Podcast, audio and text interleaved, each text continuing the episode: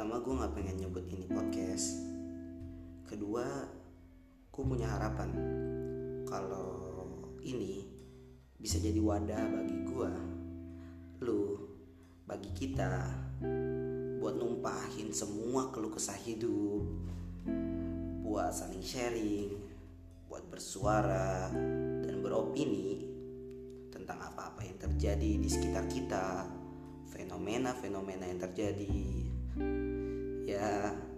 karena gue paham betul di panggung sandiwara ini diam tuh bukan sebuah pilihan.